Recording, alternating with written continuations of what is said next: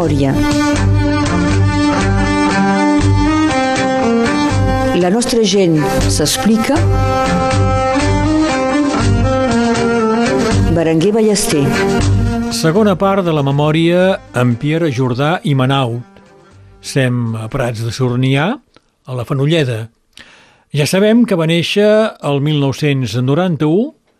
La família s'estava al carrer del Teatre a Perpinyà, que és fill de la primera directora de l'Escola Arrels, Laura Manaut, i del primer assalariat de Radio Arrels, Helios Jordà. Ahir va explicar que als 6 anys descobreix els instruments tradicionals i decideix que farà flaviols. Després del BAC, als 18 anys, instal·la el seu taller a Prada i fabrica el seu primer flaviol. El tens aquí. No era per vendre, doncs, el primer? Gens. I no. va sortir bé?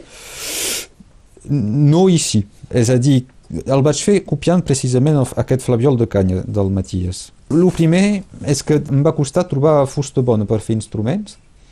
De fet, el primer primer no sonava gens, és que vaig utilitzar una fusta que no va gens bé, que era el faig, i el faig no es torneja, és, és espantús, és fi, bon, bref. No, no va servir per res. I aquest és de freixa, i doncs mira,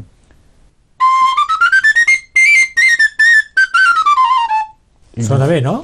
I tant, és lleig, els forats són pas ben arrenglerats, aquest el vaig fer amb un buidat de 14, que és enorme per un flaviol, i, i és lleig, és lleig, bon, sona. És lleig, creus? Sí, sí, que és ah. lleig, però mira... Sí, uh, és el teu primer flaviol, no? I en, encara està aquí i, i encara em serveix. El 2009 fa el primer flaviol, el taller que ha instal·lat a Prada, i tres anys més tard arriba a Prats de Sornià, on els seus avis materns hi tenien una casa. Ara farà 10 anys que fabrica flaviols i altres instruments tradicionals a la Fenolleda. Tot ha estat un procés molt lent d'aprenentatge. És horrible de fabricar un flaviol. És petit, eh? i la gent no se n'adona, però el bisell ha de ser ben fet, els greus han de ser potents, però els, els aguts i sobreaguts han de sortir. I això de què depèn, això? De, del torn, si ho fas bé o malament? Depèn del, de, del bisell de l'embocadura, ah. la, la finestra, de ser d'unes... Fem bon, és, e, és espantós. I sobretot el flaviol de coble, allò, que ha de tenir uns bons greus, però que ha de tenir, sobretot li demanen un registre agut i sobreagut fàcil d'emissió, però que tingui vol... Abans de reprendre la conversa amb Pierre Jordà, escoltem una de les cançons que ell ha triat per la seva memòria. Aquella musicació de Pere Figueres, del Pastor Pastor, de Joan Amada, del disc pres d'aquest país soc, del 1977. Me vull fer pastor de la serra, deixant la pellant i la ciutat, per viure sol amb el ramat i sol amb la nostra terra. Els cops als peus me vull posar, el cap la barretina ruja i quan caurà massa la pluja m'abrigaré pel ginestar. I quan caurà massa la pluja m'abrigaré pel ginestar Pastor, pastor, menja l'ullada. I toca el tendre flaviol el de matí el rossinyol te cantarà la bona albada el de matí el rossinyol te cantarà la bona albada Bressa la nit a solitud amb una cançó catalana i t'adormina Déu demana el pa de segle la virtut i t'adormina Déu demana el pa de segle la virtut així és passant a vida pura seràs millor que el ciutadà i quan la teua mort vindrà, la rebrà sense amargura. I quan la teua mort vindrà, la rebrà sense amargura. L'home és un llup, un llup cerver, deixa-lo córrer i fer son obra. La Santa Pau és destre pobre, pas tu de cerro mas ho bé. La Santa Pau és destre pobre, pas tu de cerro mas ho bé. Pierre Jordà i Manau, al mateix temps que fas instruments, eh, t'interessa també la història d'aquests instruments mm. -hmm. i de la música Sí. i dels músics de Catalunya Nord. Mm. I en aquest sentit, el 2017, participes a la creació del grup El Jut Glass Sí. i l'associació La Fàbrica del So. Mm -hmm. Dieu, amb la intenció de promoure la recerca sobre el patrimoni musical i coreogràfic de Catalunya Nord. Sí. I aquí hi trobem quatre dels grans músics tradicionals Mm. del país, com són Frederic Guisset, Vicenç Vidalú, Isabel Garcia i tu. Sí, sí, sí, sí. Bé, amb el Frederic Guisset i el Vicenç, que eren de, dels ministres del Rosselló, Sí. al principi, d'alguna manera treballem en aquest mateix sentit de com es van formar els ministrils a l'origen. Els instruments, els facsímils, entendre com sonaven, recuperar el repertori, fer-lo conèixer, és clar, és valoritzar també el que hi havia aquí abans que arribés la sardana i que la sardana, tot s'ha de dir, ho arrasés tot. Sí. Evidentment, tot i sent molt local, diguéssim, molt, ens centrem molt en el patrimoni de la Catalunya sota administració francesa, ens porta a anar més enllà perquè t'adones que tal peça la trobes també, encara que sigui una forma un bri diferent, en un altre lloc, sigui dels països catalans o sigui dels veïns occitans, fins i tot te porta al repertori antic de la cort de França, Sí. doncs tot i ser molt local, al capdavall hi ha un, tot un llegat històric que ens interessa també.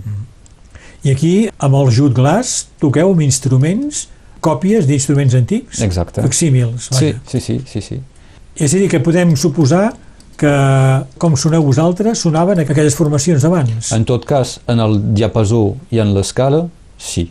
Després, evidentment, és una pràctica que hem de tornar a descobrir i és, aquí tinc la, la sort immensa de poder comptar amb gent que ha estat disposada a tornar a aprendre o tornar a, a descobrir instruments que a priori coneixien ja i que fins i tot ensenyen.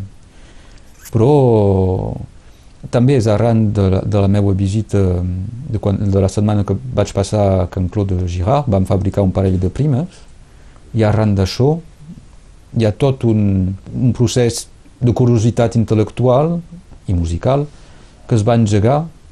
Això era el 2012, el 2014 amb la Isabel hi vam anar a passar una setmana amb el Claude, on també vam conèixer uns joves que també freqüentaven el taller del Claude, van fer unes gravacions que estan publicades a, a YouTube i on precisament era el mateix moviment. Pels curiosos, això se'n deia Bois et Cornemuse, que també ells van venir aquí a, a passar una setmana al taller i on van gravar tots quatre l'Isabel, D'acord. el Mathieu Reverso i el uh, Sylvain No, que venien d'allà dalt, i jo mateix ho vam gravar aquí al taller. Al Jut Glass eh, recupereu instruments antics Sí, i també recupereu el repertori sí, antic, no? sí, sí. sí, sí. Com es pot fer això? Uh, jo me recordo que quan era alumne del Frederic, uh, en un primer temps, quan ets alumne del Frederic, al moment donat ets un poc també alumne del Vicenç, en fi. L'Oriol també era, ell era alumne del Vicenç, també hi havia l'Aurora, la Forga, el Guillem Costa, el fill del Roger. Pel record que jo tinc, el repertori nord-català eh, coneixíem poca cosa més enllà del Joan del Riu, Sí. del Vall de l'Os, comparat amb el repertori del sud, el, en fi, jo la sensació que en tenia és que era, feia pobre, fins i tot feia, feia un xic de pena. I fins a cert punt n'érem un pèl avergonyits i fins que comences de, de buscar, d'investigar i hi ha més repertori enllà del que va recopilar el Joan Amades, per exemple, però l'has de buscar. I aquest repertori és interessant també. I on l'has trobat, aquest repertori? Hi ha publicacions que te diria la Revue Catalana, eh, una revista que se'n deia Muntanyes Regalades també. De fet, el Joan Amades és només una part.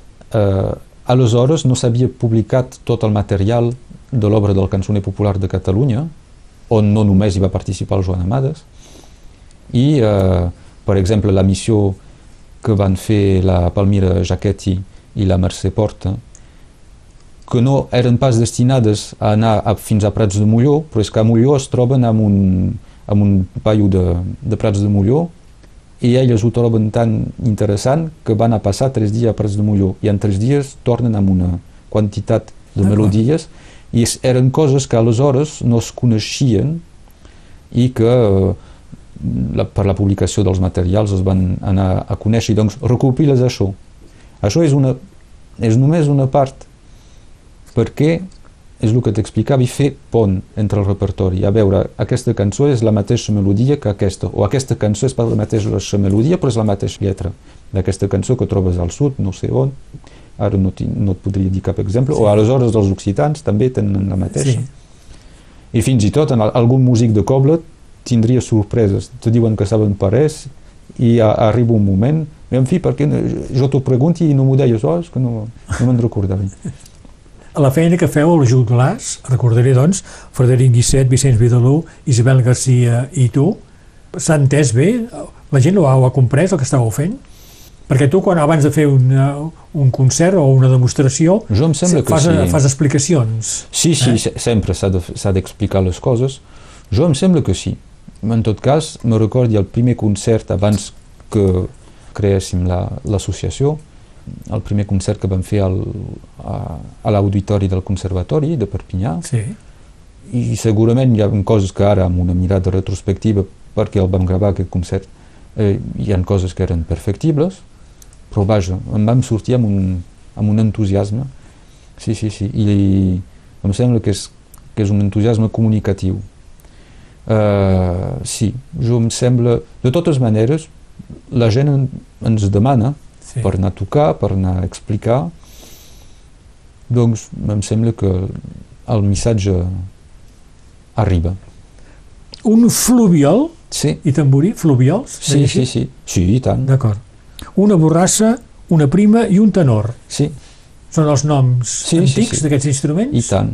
Sí, sí, sí. És, és així com ens han arribat hem triat fluviol perquè al capdavall és veritat que fins i tot en les partitures de sardanes antigues trobaries més aviat fluviol, tant en B, alta com B baixa, sí. i el consens, diguéssim, s'ha establert al voltant de flaviol en normatiu, sí. però a, a Mallorca, per exemple, segueixen parlant de fins i tot fubiol, i aquí encara hi ha algú que diu flaviol. Bon, sí parlem del mateix instrument.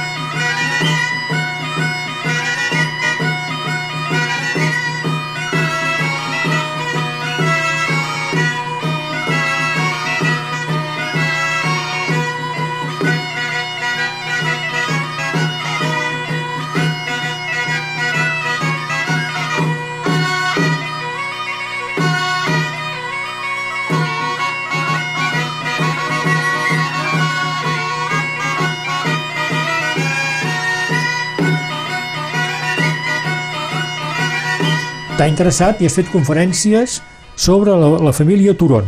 Sí. Ja sabeu que aquests fabricants d'instruments, Valentí, el pare, Mhm. i Andreu, el fill, l'Andreu Turon, Mhm. de Cameles, és l'inventor de la tenora moderna.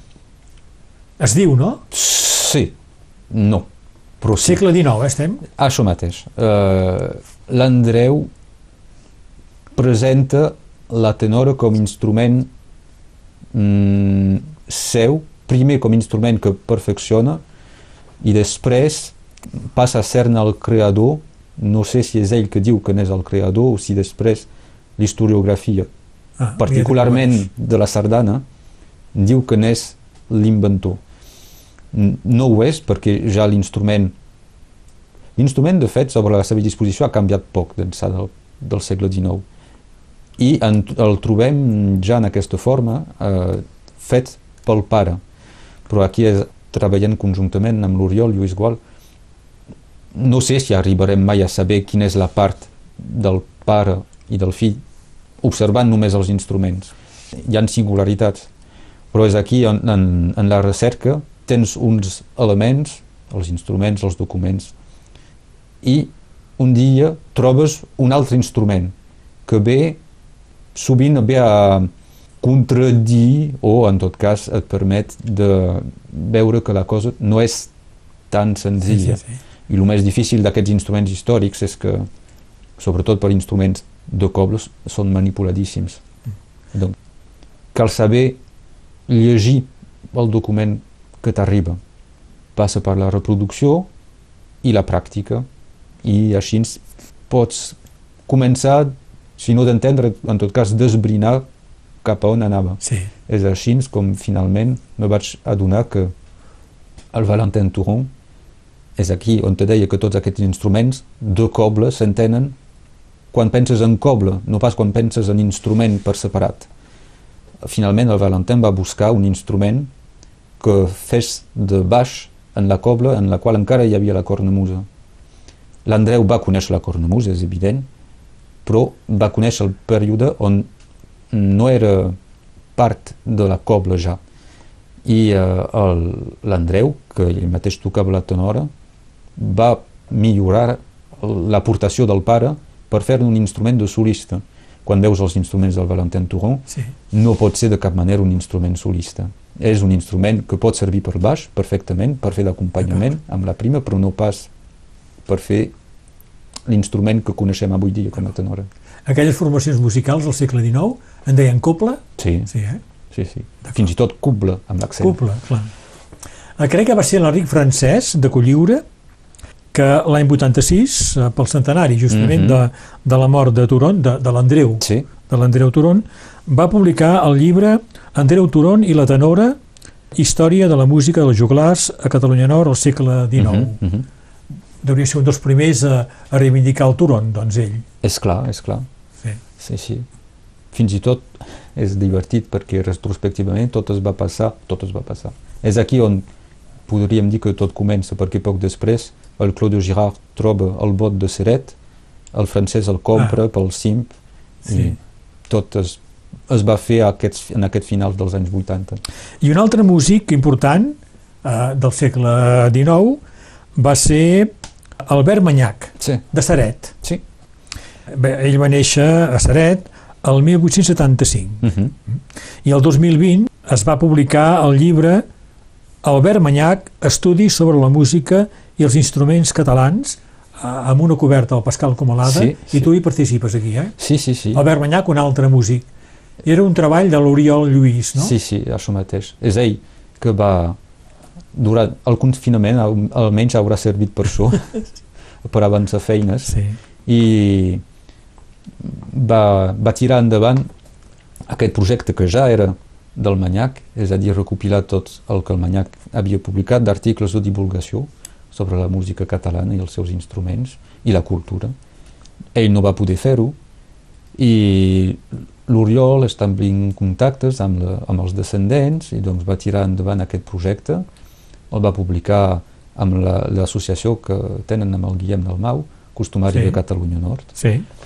I doncs va, va donar aquest llibre que és en la bibliografia nord-catalana sobre la música, la, diguéssim la música en tot cas, mm, al, la Catalunya Nord, hi ha, és dels tres llibres majors, el del francès, després el del Cortada i aquest sobre el, sobre el Manyac. I jo vaig poder participar-hi fent moltes relectures i doncs això, me va demanar de, de fer-li un text per parlar del llegat del, del Manyac. Encara hi ha un altre llibre el, en el que has participat, sí. el 2019 es va publicar, el llibre, és un llibre col·lectiu, eh? Sí, sí. Sardana, dansa i música d'un país. També amb l'Oriol, a fi, Sí. nosaltres vam fer cadascú el seu, la seva aportació, però no, és veritat, l'he l'he descuidat aquest. 2019, Perpinyà, capital de la, de la Sardana. Sí. I eh, s'ha fet aquesta, es va fer aquesta publicació, és veritat que també és de la... precedeix de poc la, el llibre de, del Manyac, però també és de les aportacions importants sobre, aquí sobre la sardana concretament, la sardana al nord, a més a més. Sí, sí, sí, va ser una... I la, la, recordi la, la presentació del llibre al, a l'Hotel Pams, on malauradament mm, es va fer entre autors i va ser... Que no hi havia gent, vols dir? No, eh, Ah. és, és una, eh, és una, va ser una desgràcia, però bon, la cosa va anar així. Perquè s'hi van dir coses molt interessants i és veritat que aquest llibre eh, és una aportació major a, a la història de la sardana, a més Sí. a més. Mhm. Al nord concretament, però no només.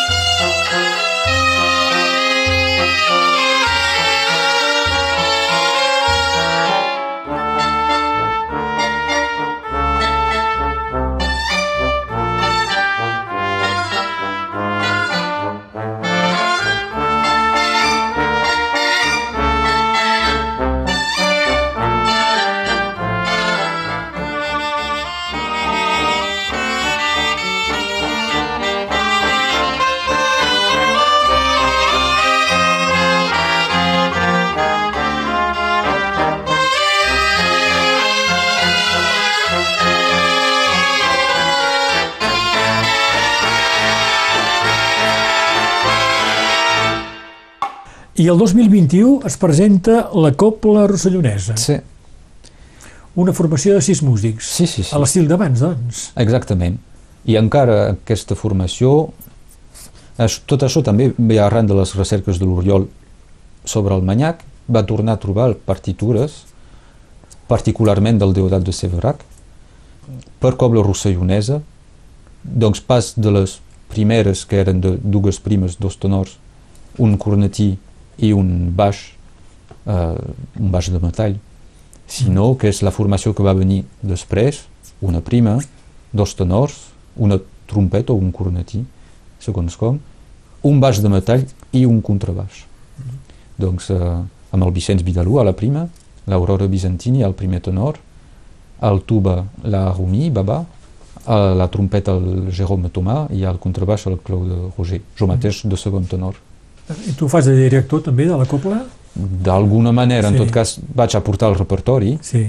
De fet, pels, per la, les primeres representacions va ser el Frederic Guisset que ens va dirigir, sobretot per les peces de, més conseqüents com eh, eh, el cant del, del Vallespí o, eh, o el Llogabala.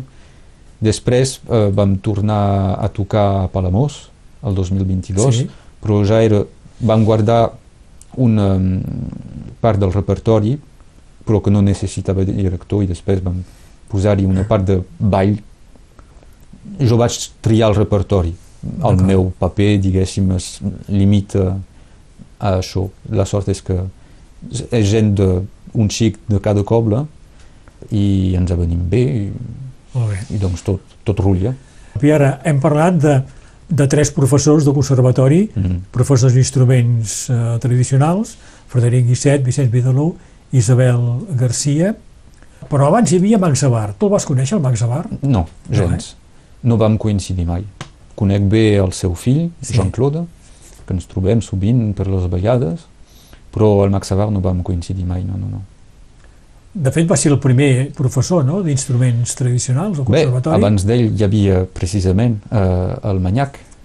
De, bueno, sí, molts anys abans, clar. Sí, sí. Sí, sí. I si remuntem, el primer era el Turon, però va, va durar ben poc. Però jo parlo del conservatori de Perpinyà. De Ah, bé, eh, el, Sí. eh, el Turon Ah. el van, és el Ah, que sí? esdevindria el Conservatori de Perpinyà. Ah, d'acord. Sí, sí, el van contractar. Com a professor? Sí, sí, sí. D'acord. La cosa va ser un fracàs, Ah, sí?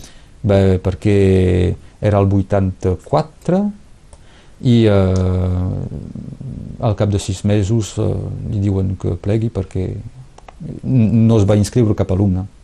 El 84 del segle 1800, XIX, és clar. eh? Sí. Sí, sí, sí.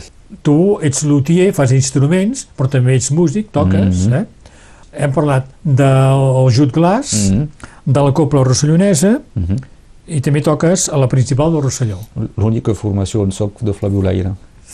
Jo vaig aprendre el flabiol Sí. i em consideri, em consideri com a flabiolaire, però és veritat que els juglars vaig començar de tenor i ara sóc a, al bot.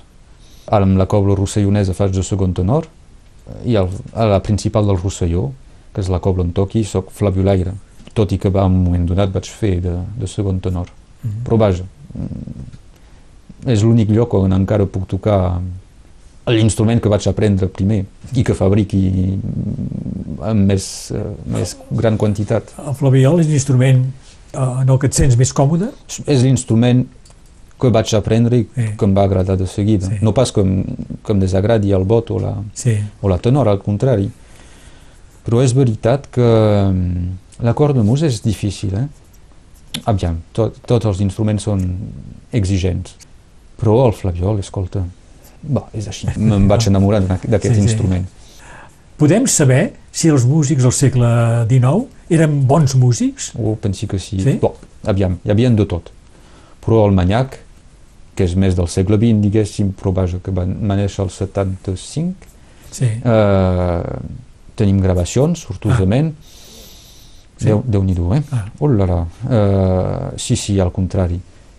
Hi ha, hi ha una frase d'un juglar que va morir el 2020, André Amir, que era trompeta, de Seret i vaig aprendre que era casat a Sornyà, Ah, uh, que, que deia els juglars d'abans sé pas on van aprendre la música però la sabien. I, ho diu tot. Perquè l'aprenien evidentment. Per, per tradició, no ho sé per transmissió. No ho sé, No sé. aquí, aquí hi ha quelcom que no sabem. Ah. Hi ha una part de transmissió oral, és clar, però hi ha una part també de, te, de teoria, de, de solfeig, vaja, Sí. però no tenim... Tam, aquesta gent me sembla que consideraven que no feia pas música interessant, que feien pas... Com Gran que no música. clar. Sí i no, perquè al capdavall també, també adaptaven les àrees d'òpera Ah. per la cobla i tenien, no només tenien els instruments de cobla, això de només tenir els instruments de cobla com jo ho he fet és d'avui dia, però ells tenien l'instrument clàssic per tocar en orquestra, per tocar Ah. en harmonia. Doncs, malgrat tot, la música que en diem sàvia troba la seva via, sempre. I No, doncs no ho sé. Aquí hi ha, en la transmissió de la memòria hi ha quelcom que no, que, que no tenim, Que no, senzillament, clar. que no ens ha arribat. Difícil de saber. Sí.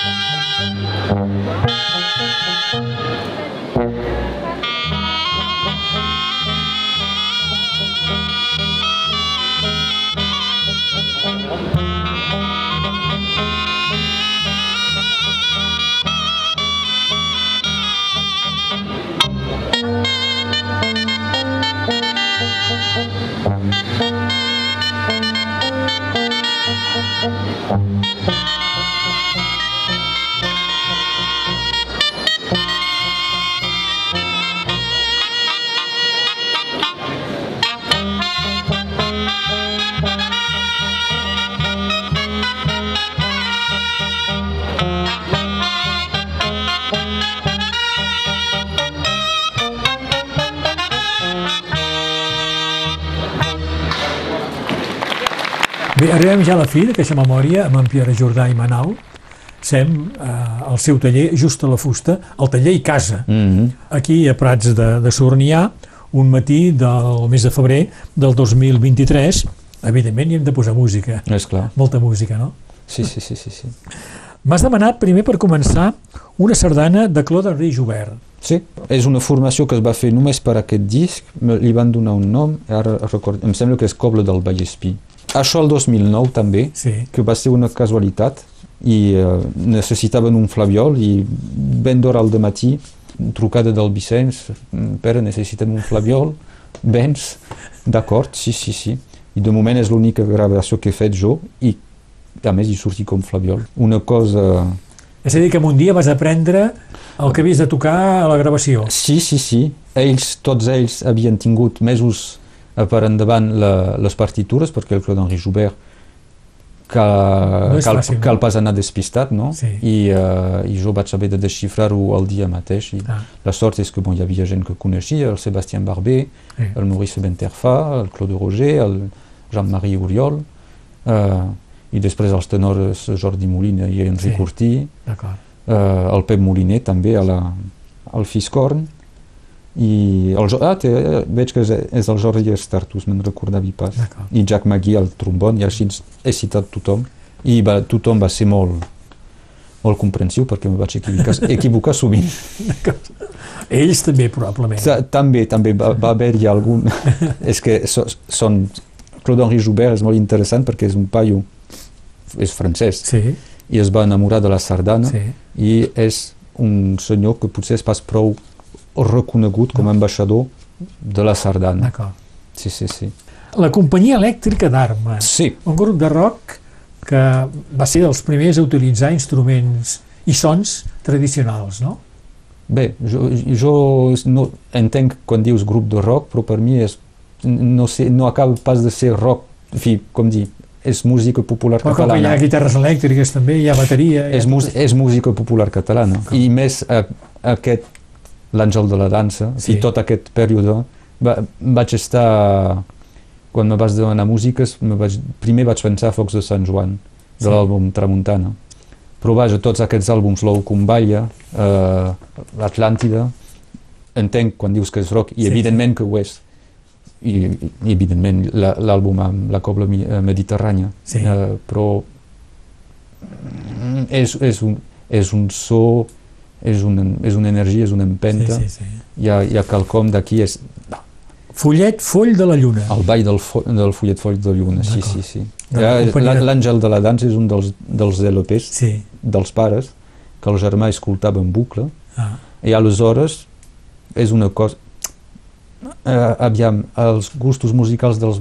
no sé si acabem de compartir mm, el, el meu germà i jo els nostres gustos musicals quan era més jove trobava que escoltava unes músiques que em sonaven molt estranyes i l'Àngel de la dansa l'escoltava no sé quantes vegades al dia i doncs al, al cap d'un moment ja en tenies una fart. no, però, Ah. fi, no, però m'intrigava. Aleshores, és veritat que jo era molt jovenet i mm, no és que m'agradava, però m'intrigava. Potser lo, lo, les coses que et marquen no són pas les que t'agraden primer, però hi ha, hi ha alguna cosa que està aquí que Sí. treballa.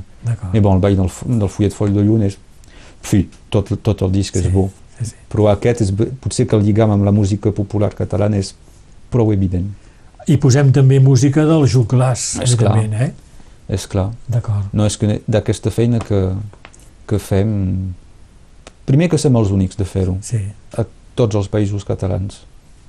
I a més ho fem prou bé, jo tot s'ha crec que sí, no? Sí, Sou sí, bons sí, sí, músics, sí, sí. els quatre. I del tall, del País Valencià també, Sí, sí. Romans de Sec, Sí, la, la meva descoberta del País Valencià, gràcies al Sergi Montemont, ah, quan era professor a, a Jean Moulin, Sí. el vaig tenir a, a, en quatriema, i eh, jo no, cone no coneixia res de res de res del País Valencià. I, romans de sec, bon, eh, sí, sí, què vols que et digui? molt bé. I el grup Xot, Sí, amb un Sí, tema argelès. Sí, sí, sí, sí.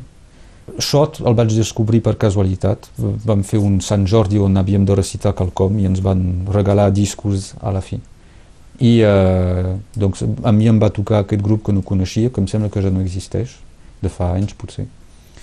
I és una proposta que a mi jo no sóc capaç de fer, però m'interessa que hi hagin propostes d'aquestes, en el cas d'aquesta tonada argelès ho fan amb una melodia que està publicada en el costumari de, de l'Amades i que es tocava al grai de, al voltant de la Muga. I, eh, i bé, en fi, en, ens parla molt. Ara també hi hauria coses eh, hi haurien altres grups que fan coses que m'interessen en fi, que m'interessen. Jo, que són coses que no sóc capaç de fer però que e- és important que es facin pensi a Corrandes són Corrandes o també la gravetat de Colom o el recorregut d'un paio com el Manu Sabater vaja és important que d'aquest material que ens ha arribat es faci quelcom Pierre, hem quedat que, com que caldran més músiques, sí, sí, eh, sí, sí. eh, que m'enviaràs una llista d'altres músiques per a incorporar en aquesta memòria que he fet amb tu. Aquí, a Prats de Sornià, al teu taller, just a la fusta, estàs tranquil aquí, eh? oh i tant Hi ha gent que hi viu al costat? Sí, sí, sí. Bon, eh, sí, al costat, costat directament. Mm, No així, la, la casa enfront Eh, eh, encara hi, no és pas oberta tot l'any, però sí està mantinguda. Sí. La casa del costat sí, després hi ha els veïns allà. Sí, sí, malgrat tot, sent pocs, quan penses, vaig trobar un almanac del 1800 i pico on eren 300, Ah, ara l'any hòstia. sem uns 70, Uh, però vaja, hi ha una vida de poble Sí? entre el que t'explicava Ah. del forner que passa, sí, sí. hi ha una associació també, el Fugar local, Mm. i, i bé, no, no.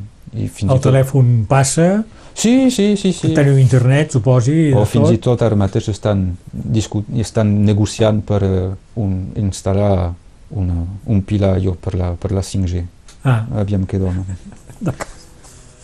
Pierre, Jordà i Manal, gràcies d'haver-me acollit aquí, a Gràcies. part de Sornià. Amb ple. Gràcies i fins la propera, bon dia. Molt bon dia. Matinet me llevi jo Matinet a punta d'alba Posi la sella al cavall Per pujar a Costa Solana Per pujar a Costa Solana.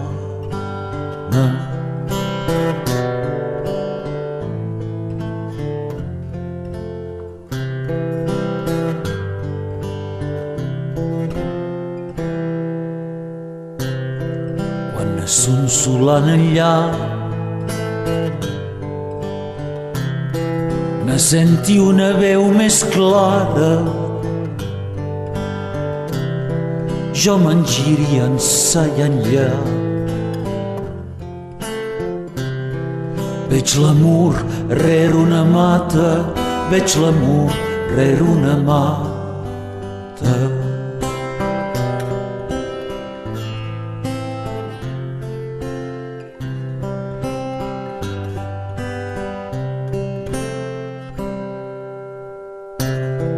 jo li doni al Déu vos guard. Matinera en seu estada, més matiner el cavaller. Que la mort heu encontrada, que la mort heu encontrada.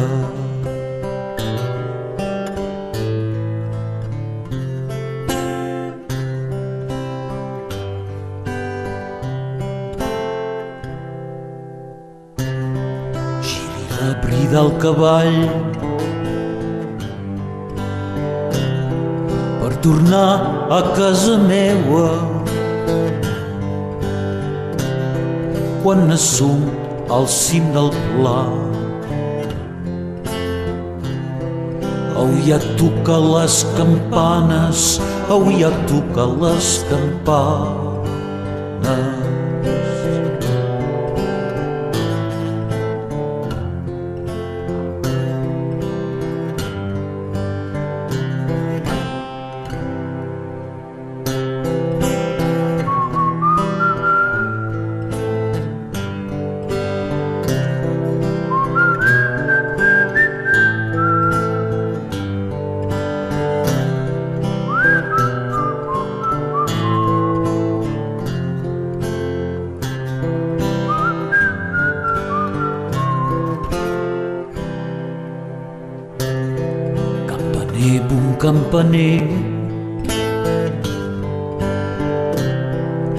Qui toquen les campanes.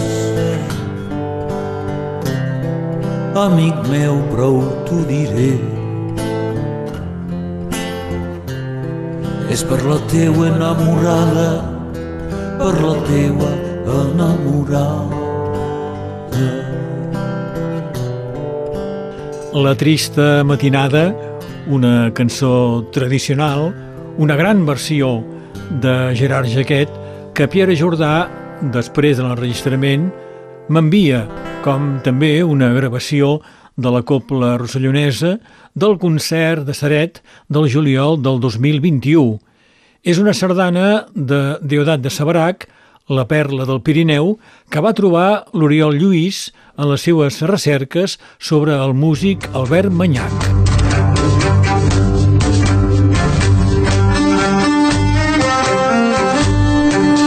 Memòria. La nostra gent s'explica. Berenguer Ballester.